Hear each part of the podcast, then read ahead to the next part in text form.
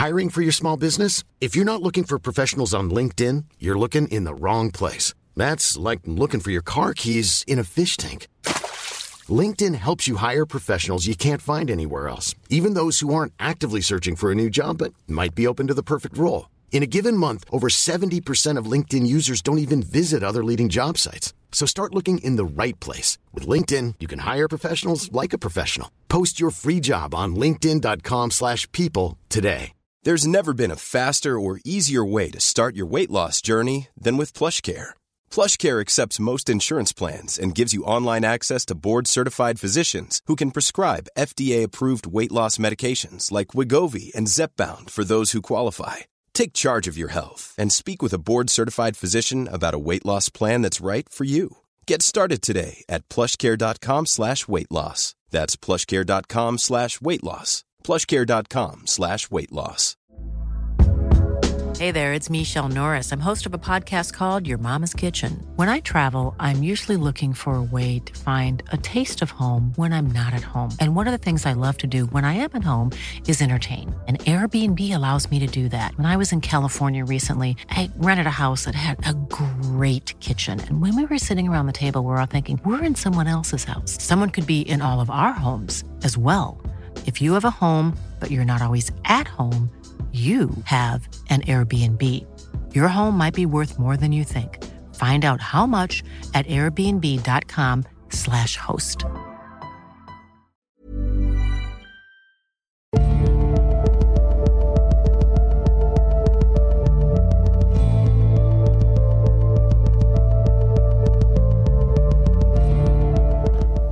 Hei og velkommen til Tåkeprat. Jeg heter Even, og når jeg tar opp denne episode 110, så er det søndag den 18. august 2019.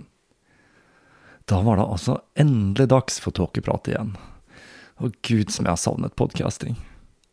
Denne sommeren har bestått av flytting og mer flytting for meg. Som jeg vel nevnte i siste episode, så fikk vi solgt huset, så den delen gikk relativt smertefritt, til tross for noen måneder med den obligatoriske oppussingen før salg. Men så var det det å tømme et hus.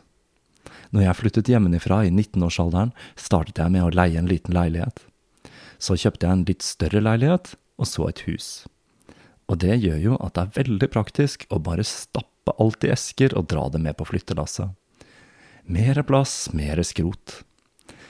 I tillegg til hus så hadde jeg en stall, og det var ikke hester jeg fylte opp den med men masse skrot. Og i tillegg til stall loft. Stort loft. Og det er klart at man må stappe mest mulig julepynt på loftet, slik at man glemmer hva man har og kjøper nytt neste jul. Hvor mye som har gått på dynga, det aner jeg ikke. Den siste tiden har jeg brukt på å hugge opp møbler med øks for å klare å stappe mest mulig oppi en leid container. Men det føles også veldig godt å bli kvitt så mye ubrukelig drit. Når man har esker med ting som ikke har vært åpnet på ti år, så er det kanskje på tide å kvitte seg med det. Finn har også vært en ressurs, men også en kilde til irritasjon. Det finnes mange raringer der ute, og da jeg solgte en batch med gamle dataspill og konsoller jeg med viten og vilje hadde underpriset for å bli kvitt det fort, så ble jeg nedringt og fikk mobilen fylt opp av SMS-er til tross for at jeg ikke hadde oppgitt telefonnummer, i tillegg til å bli dynget ned i meldinger på Finn. Som om ikke det var nok, så fikk jeg en haug med mennesker som ville overby han som kjøpte batchen, etter han hadde kjøpt og hentet den, og jeg hadde tatt ned annonsen og gitt interesserte beskjed om at det var solgt og hentet. Jeg må si jeg fant det ganske irriterende når personer som hadde fått klar beskjed, fortsatte å sende tre-fire meldinger om hvor mye de hadde lyst på samlingen, og hvor mye mer de kunne gitt, og hvor mye mer jeg kunne tjent ved å selge samlingen stykkevis. Jeg må si at det var såpass irriterende at noen ting har gått til Fretex framfor Finn. Ja da, jeg skjønner jo at jeg kunne fått mer om jeg hadde solgt ett og ett spill og brukt lang tid på prosessen. Det er mulig dette er noe som er spesielt for gamerfolket, men jeg har da fått noen skrekkhistorier fra venner om Finn, som eksempel om folk som klager på ting som er gitt vekk gratis. Men til tross for alle de merkelige menneskene som frekventerer Finn, så er det fint å vite at mange av de gamle møblene og tingene mine har fått et nytt hjem. Oppussing, skrot og rydding har altså vært en vesentlig del av min sommer. Men så er det en ting til. Jeg har nemlig bestemt meg for å leie en leilighet en stund. Ja da, jeg vet at mange sikkert sitter der ute og skriker om at dette er å kaste pengene rett ut av vinduet. Men jeg er bare så utrolig lei av ting og tang, og ikke minst det å ha ansvar for en bolig. Jeg har lyst til å podkaste og ikke pusse opp. Jeg tror faktisk jeg er så lei av oppussing og alt det som følger med å være huseier, at jeg kommer til å leie en god stund fremover. Men der skulle jeg også få meg en saftig overraskelse. Jeg har nemlig ikke leid bolig på 15 år, og i mitt hode så skulle ikke dette være noe vanskeligere enn å kjøpe. Lettere faktisk, trodde jeg. Uten budrunde, megler og lån. Man betaler depositum og leie, og så flytter man inn. Det trodde jeg. Mange av dere der ute som leier, sitter sikkert og flirer over min naivitet, og jeg fikk fullstendig hakeslipp når jeg oppdaget at dette på mange måter er som å søke jobb. Når jeg etter å ha spurt om å få komme på visning til en leilighet, så fikk jeg beskjed om at jeg måtte fortelle litt om meg selv. Og etter å ha sendt resumeet mitt, noe jeg føler at jeg kan, fordi jeg har søkt såpass mange jobber i mitt liv, så fikk jeg ikke engang svar. Og da skjønte jeg at det var noe jeg ikke hadde fått med meg.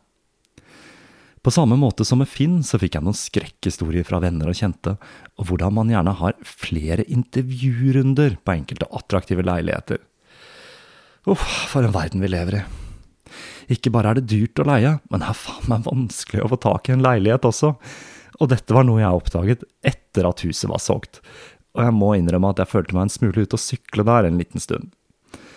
Jeg har riktignok eh, telt og stormkjøkken, men det var liksom ikke helt sånn jeg hadde forestilt meg høsten.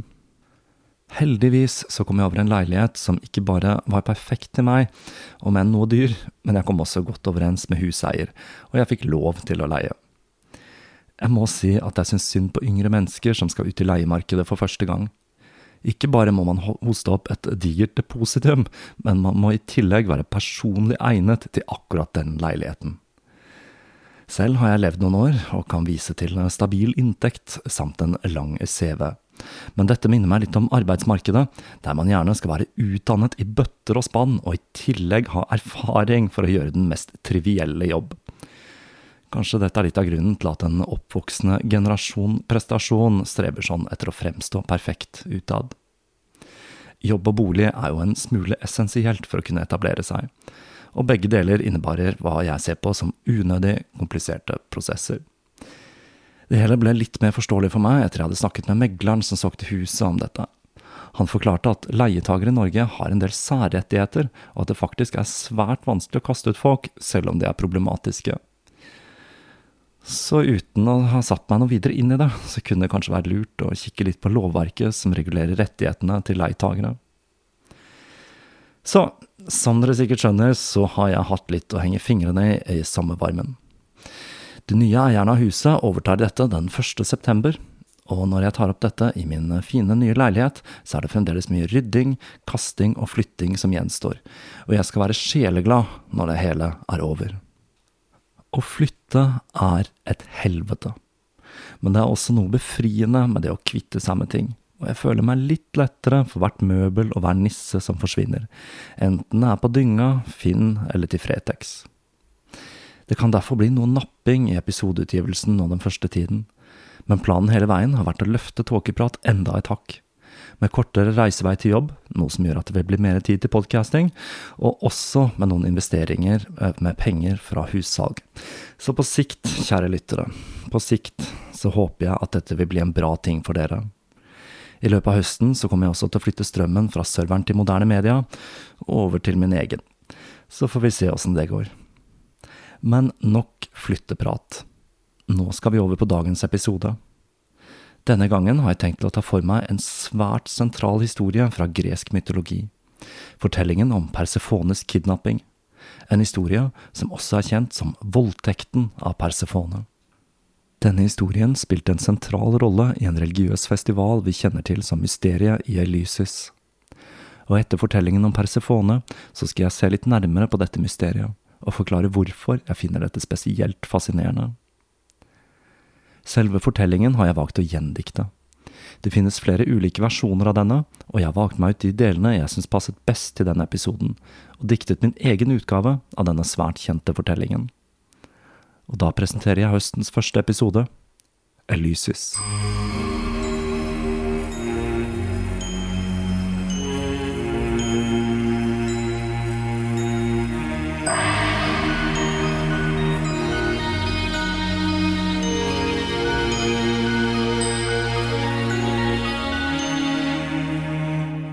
Hades, herskeren over underverdenen, forlot sjelden sitt domene Egentlig så fant han tilværelsen som underverdenens hersker ganske kjedelig, og som broren til Sevs så følte han at det var en smule uverdig å være underverdenens administrator og byråkrat. Jo da, riktignok så hadde Sevs, Poseidon og Hades fordelt verden mellom seg. Sevs hadde fått jord og himmel, Poseidon havene og Hades underverdenen. Men underverdenen var, til tross for at den var viktig, et ganske kjedelig sted, syntes han. Det var svært sjeldent Hades beveget seg ut ifra sitt rike, men noe måtte gjøres for å bryte underverdenens endeløse monotoni. Han tenkte seg om, og med ett så kom han på hva som kunne lysne opp underverdenen. Ei kone, det var det han trengte, en kvinne som kunne bli underverdenens dronning og lette tilværelsen hans. De andre gudene hadde ikke bare ektefeller, men tok seg titt og ofte til menneskenes rike, og hadde seg med både mennesker, nymfer, driader og han visste ikke hva. Hades hadde riktignok forsøkt seg på en nymfe eller to, men han hadde aldri helt lyktes med sine forsøk på å få de til sengs. Hades dro og han besøkte sin bror på Olympen for å fortelle om planen sin. Alt han krevde, fortalte han, var en kone og han hadde allerede en gudinne han hadde godt øye til. Ikke bare var hun ledig, men hun var også jomfru, og hadde tilnavnet Kore, som betyr nettopp jomfru. Og Hades mente at hun ville egne seg svært godt som underverdenens dronning.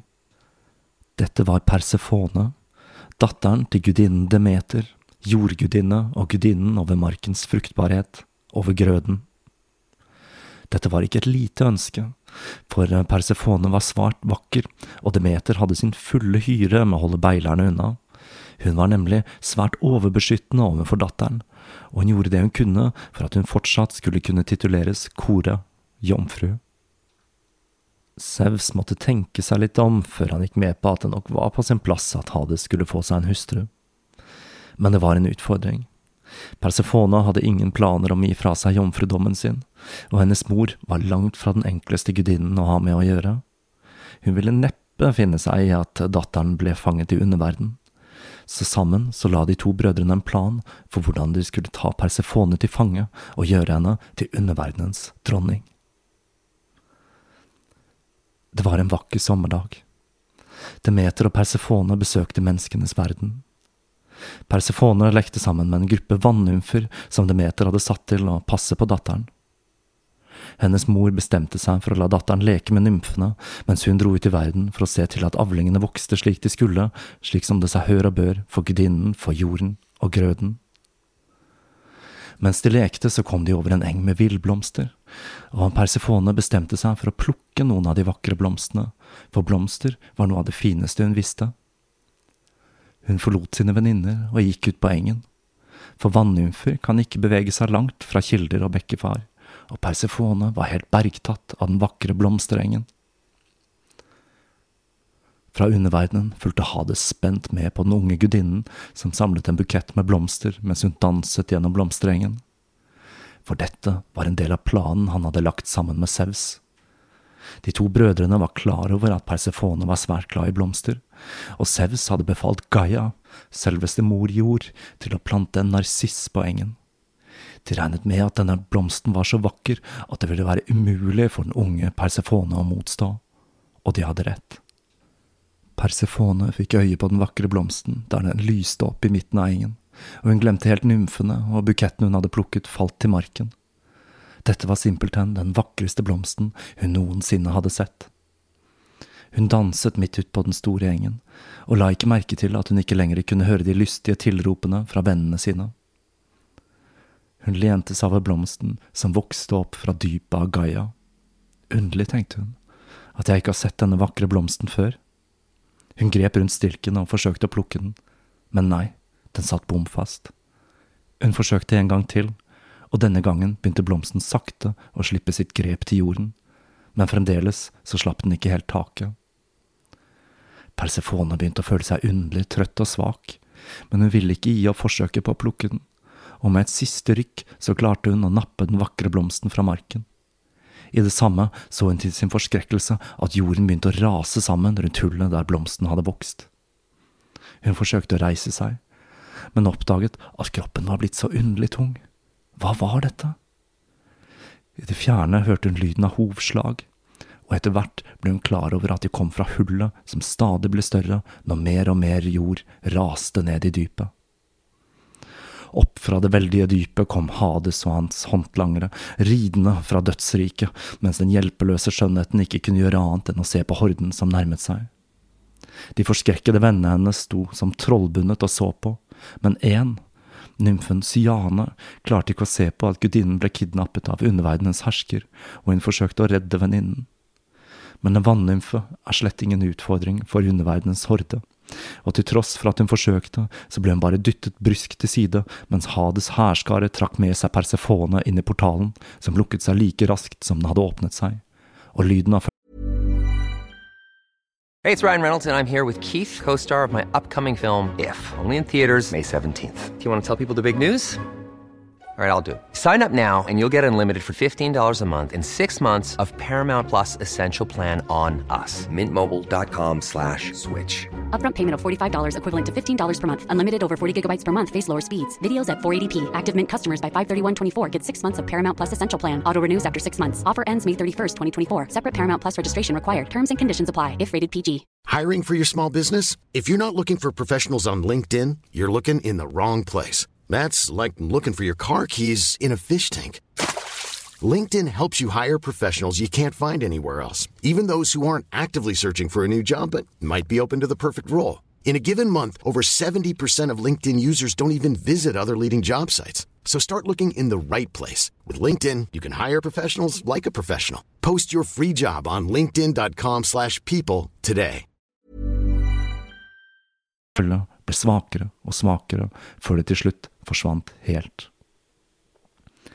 I forferdelse så brast Siane ut i gråt over tapet av venninnen, og nymfen smeltet, og tårene hennes dannet elven Siane, som er der den dag i dag. Når Demeter kom tilbake, så så hun den nye elven og nymfene som gråt og ba i seg. Rasende forlangte hun å få vite hvor det var blitt av datteren, men nymfene bare gråt og fortalte at de slett ikke visste hvor hun var blitt av.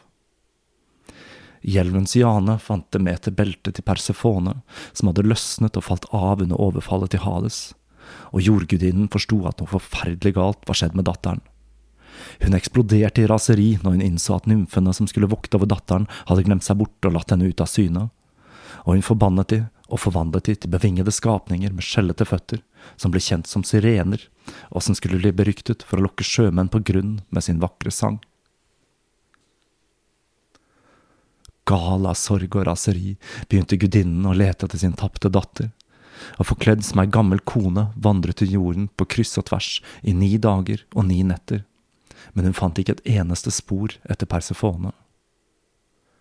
Hun skulle få en mektig alliert i sin søken. På den tiende dagen møtte hun Hekate, heksegudinnen, gudinnen for magi og korsveier. Hekate følte medynk for den medtatte jordgudinnen, og ga seg til med å hjelpe til med å lyse opp selv de mørkeste av jordens avkroker med sine to fakler, men Persefone var ikke å finne. Siden Persefone var sporløst vekke, så foreslo Hekate at de to skulle høre med Helios, solguden, om han hadde sett hva som hadde skjedd. Og Hekates råd viste seg å være klokt. Helios, som så alt som foregikk på jorden, fortalte hvordan Persefone hadde blitt kidnappet av Hades og dratt til underverden for å bli hans kone. Demeters sorg var bunnløs, og hun overså sin oppgave som gudinne av grøden, og dyr og mennesker ble rammet av en forferdelig hungersnød. Desperat forsøkte hun å overtale Hades om å gi slipp på datteren, noe herskerne av underverden var lite lysten på nå som han hadde fått tak i den vakre Persefone men uten Demeter var det ikke enkelt for verken guder eller mennesker. Menneskene sultet og hadde derfor lite offergaver å tilby gudene. Hades diskuterte med Sevs for å finne ut av hvordan de skulle løse situasjonen. De to ble enige om at Persefone skulle tilbringe en del av året i underverden og en del blant de levende. Og det var guden Hermes som fikk oppgaven med å hente Persefone tilbake fra underverdenen og siden Hades godt visste at Demeter aldri ville slippe sin vakre datter ut av syne igjen, så la han en listig plan. Det hadde seg nemlig slik at dersom han spiste noe i underverdenen, så var man dømt til å dra tilbake dit. og før han slapp Persefone fri, så lurte han henne til å spise fire frø fra et granateple. Og med det var gudinnen dømt til å for alltid tilbringe fire måneder i underverdenen, og det resterende med sin mor, jordgudinnen. Og slik gikk det til at vi fikk årstidene. Når Persefone stiger ned til underverdenen, så dør grøden, og når hun kommer tilbake, så gir hennes mor oss vårens fruktbarhet. Men til tross for den brutale kidnappingen, så skulle Persefone etter hvert trives i rollen som underverdenens majestetiske dødsgudinne.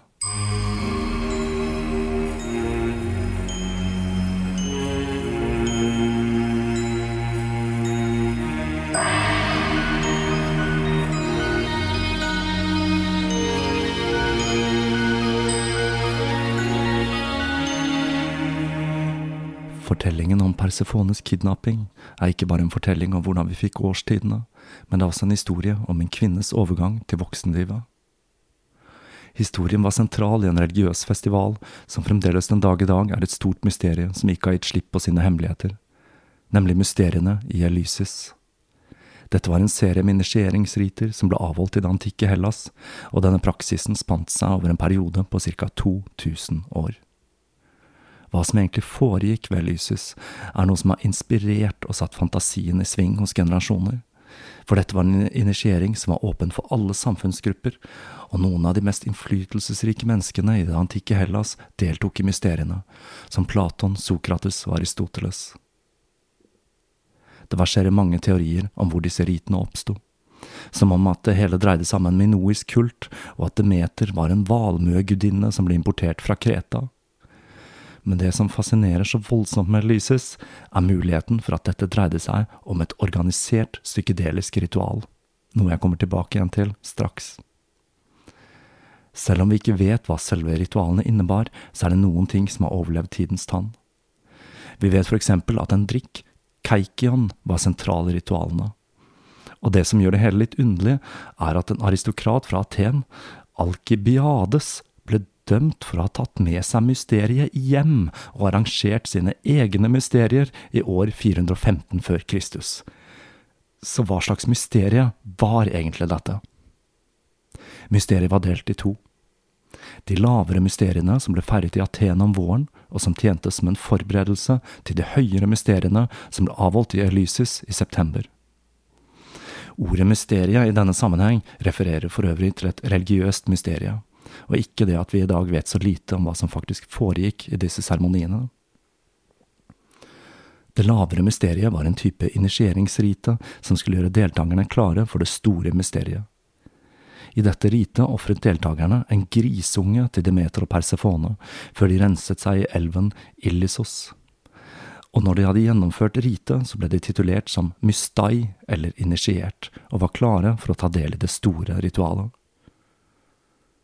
Hver høst gikk flere tusen mennesker fra Aten til Elysis for å delta i det store mysteriet. Når deltakerne kom fram, måtte de først rense seg i vann før de kunne tre inn i forhallen til tempelet, Telesterion, et tempelkompleks med 40 søyler og et avgrenset område i midten der de helligste gjenstandene ble oppbevart. Før de gikk inn i tempelet, måtte deltakerne si, Jeg har spist og jeg har drukket kaikion, jeg har tatt fra kisten, og etter å ha brukt det har jeg lagt det tilbake i kurven. Ritualet besto av tre elementer som ble omtalt som aporeta, eller de unevnelige, og det å avsløre hva ritene besto av, ble straffet med døden, og straffen var ufravikelig, noe som nok er årsaken til at vi vet så lite om hva disse besto av. Ritualene besto altså av tre deler, dromena, deiknumena og legomena, som betyr det som ble oppført, det som ble vist, og det som ble uttalt. Hva som skjedde i disse ritualene er altså høyst utsikkert men de tjente en svært viktig samfunnsfunksjon, og alle, selv slaver, kunne delta. Og det er jo nærliggende å tro at hva enn som foregikk i Telesterion, var svært spektakulært, siden det kunne tiltrekke seg tusenvis av mennesker hvert eneste år. I hymnen til Demeter så finner vi følgende strofer, og vi kan jo forestille oss hvordan dette kanskje ble lest opp som en del av ritualene. Lykkelig er den blant de dødelige jordiske som får dette skuet, for den som ikke er innviet i ritene, ikke tar del i dem, får ikke den samme skjebne etter døden, i det veldige mørket der nede. Den strålende gudinnen lærte dem alt dette, men dro så til Olympos igjen for å være med i gudenes forsamling. Med framveksten til kristendommen i det fjerde og femte århundret skulle sakte, men sikkert mysteriene i Elysis miste den sentrale rollen de hadde hatt. Den hedenske romerske keiser Julian forsøkte å gjenreise mysteriene på 360-tallet, men han skulle bli den siste keiseren som skulle innvies i ritualet. Nådestøtet kom da kong Allarik, kongen over goterne, raserte tempelet og de hellige stedene omtrent på samme tid. Men enkelte hevder at til tross for ødeleggelsen av tempelet og de organiserte ritualene, så overlevde deler av demeterkulten på bygda som en hedensk morgudinnekult. Det som gjør at mysteriene i Elysis er så ekstremt spennende, er tanken på at dette kan ha dreid seg om type, en type ritual med inntak av et enteogen, eller et psykedelisk stoff, om du vil. Utfordringen er selvsagt at vi ikke har noen solide bevis for dette. Albert Hoffmann og Arn Gordon Wasson spekulerer i om denne drikken Keikion besto av et brygg laget av ergot-infisert bygg i boka Veien til Elysis. Ergot er en snyltesopp som vokser på korn, og som vi har vært borti her i Tåkeprat tidligere, og jeg tror vi kommer til å komme borti den igjen senere i høst. Sist jeg nevnte den, tror jeg var i episoden om hekseprosessen i Salem. Og en av hypotesene om disse er nettopp at disse ble utløst av et utbrudd av ergotisme eller ergotforgiftning. Selv så kjøper jeg ikke helt den teorien, av flere ulike årsaker, noe jeg redegjør for i den serien. Tanken til Hoffmann og kompani er at eh, grekerne gjennom en til nå ukjent prosess klarte å skape et psykedelisk brygg med ergotamin, alkaloide som er virkestoff i ergot, og som er basen for Hoffmanns forholdsvis kjente oppdagelse, LSD. Problemet er at ingen har klart å gjenskape denne prosessen. Og som tidligere nevnt, så er ergot svært giftig og forårsaker en tilstand, ergotisme, som er dødelig. Og inntak av ergot er forbundet med ting som demonbesettelser i middelalderen. Det verserer også flere hypoteser om hva dette mystiske brygget inneholdt. Vår tåkepratvenn Terence McKenna spekulerte i om dette kunne dreie seg om en type psilocybe, altså en psykedelisk sopp og andre ikke-psykedeliske stoffer er også aktuelle kandidater. Demeter er forbundet med valmuer, og fra valmuen får vi jo opium, så det er jo også en mulighet. Men her føler jeg vel at denne sløvende virkningen fra opium ikke helt lever opp til forventningene til det store mysteriet. Hvem vet, dette kan jo til og med ha vært grekernes svar på det søramerikanske psykedeliske brygget ayahuasca. Det som er så utrolig fascinerende med den enteogeniske teorien om mysteriet, er at det åpner muligheten for at hele vår kulturarv fra Hellas kan ha vært inspirert av det som åpenbarte seg for de som ble initiert i mysteriene til Demeter og Persefone. Og det er jo ikke helt utenkelig at en 2000-årig psykedelisk tradisjon ville sette store kulturelle spor. Se bare på arven fra 60-tallet og personer som Timothy Leary og Aldous Huxley. Så kanskje bare kanskje så bærer vi fremdeles med oss noe av arven fra mysteriene ved Elysis.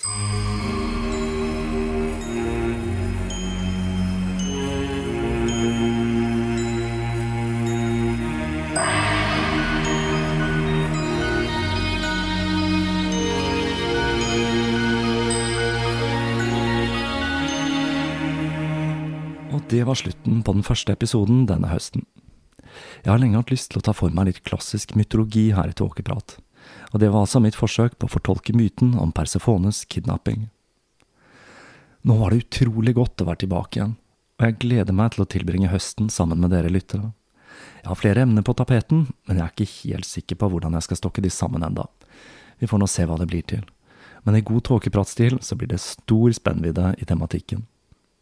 Som jeg sa innledningsvis, så blir det nok noe lugging i episodeutgivelsen til å begynne med. Jeg driver fremdeles med denne helvetes flyttingen, og nå er jeg også tilbake igjen i full jobb, så ting tar litt lengre tid enn vanlig. Denne episoden tok meg faktisk tre ganger så lang tid som normalt å sette sammen. Men episoder, det blir det, om enn noe lengre ventetid imellom enn hva dere er vant til, før jeg til slutt kommer tilbake til den vante tralten med en episode stort sett hver eneste søndag. I denne episoden så har jeg også for første gang valgt å gjenbruke et lydbrekk, rett og slett fordi jeg ikke er helt på plass med instrumenter og slikt ennå. Og valget falt på den jeg brukte i Helliken-episoden, for de av dere som lurte på det. Men tåkeprat, det blir det nå uansett. Og sammen så skal vi klare å komme i bunns i en god del historie man ikke lærte på skolen, og kanskje også noen andre sære emner. Vi får se hva det blir til. Så fram til neste episode, som jeg vil tro kommer om en 14 dagers tid, så kan dere jo fundere litt på hva som faktisk foregikk i dette mysteriet, og hva som gjorde det mulig å ta med seg mysteriet hjem, sånn som Alkibades gjorde, for å arrangere sitt eget mysterie med vennene sine. Merkelige greier. Jeg vil også rette en stor takk til alle som har hengt med Tåkeprat i sommer, på sosiale medier og ikke minst Patrion. Det varmer hjertet mitt litt at det er så mange mennesker som har gått og ventet på at jeg skal starte opp igjen, etter denne litt utvidede sommerpausen. Så da gjenstår det bare å si på gjenhør.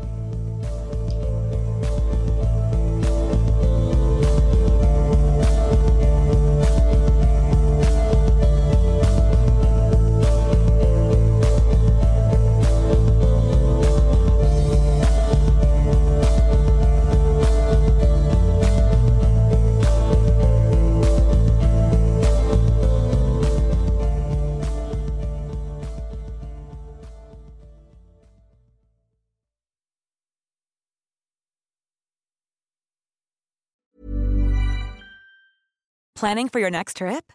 Elevate your travel style with Quince. Quince has all the jet setting essentials you'll want for your next getaway, like European linen, premium luggage options, buttery soft Italian leather bags, and so much more. And is all priced at 50 to 80% less than similar brands. Plus, Quince only works with factories that use safe and ethical manufacturing practices. Pack your bags with high-quality essentials you'll be wearing for vacations to come with Quince. Go to quince.com slash pack for free shipping and 365-day returns.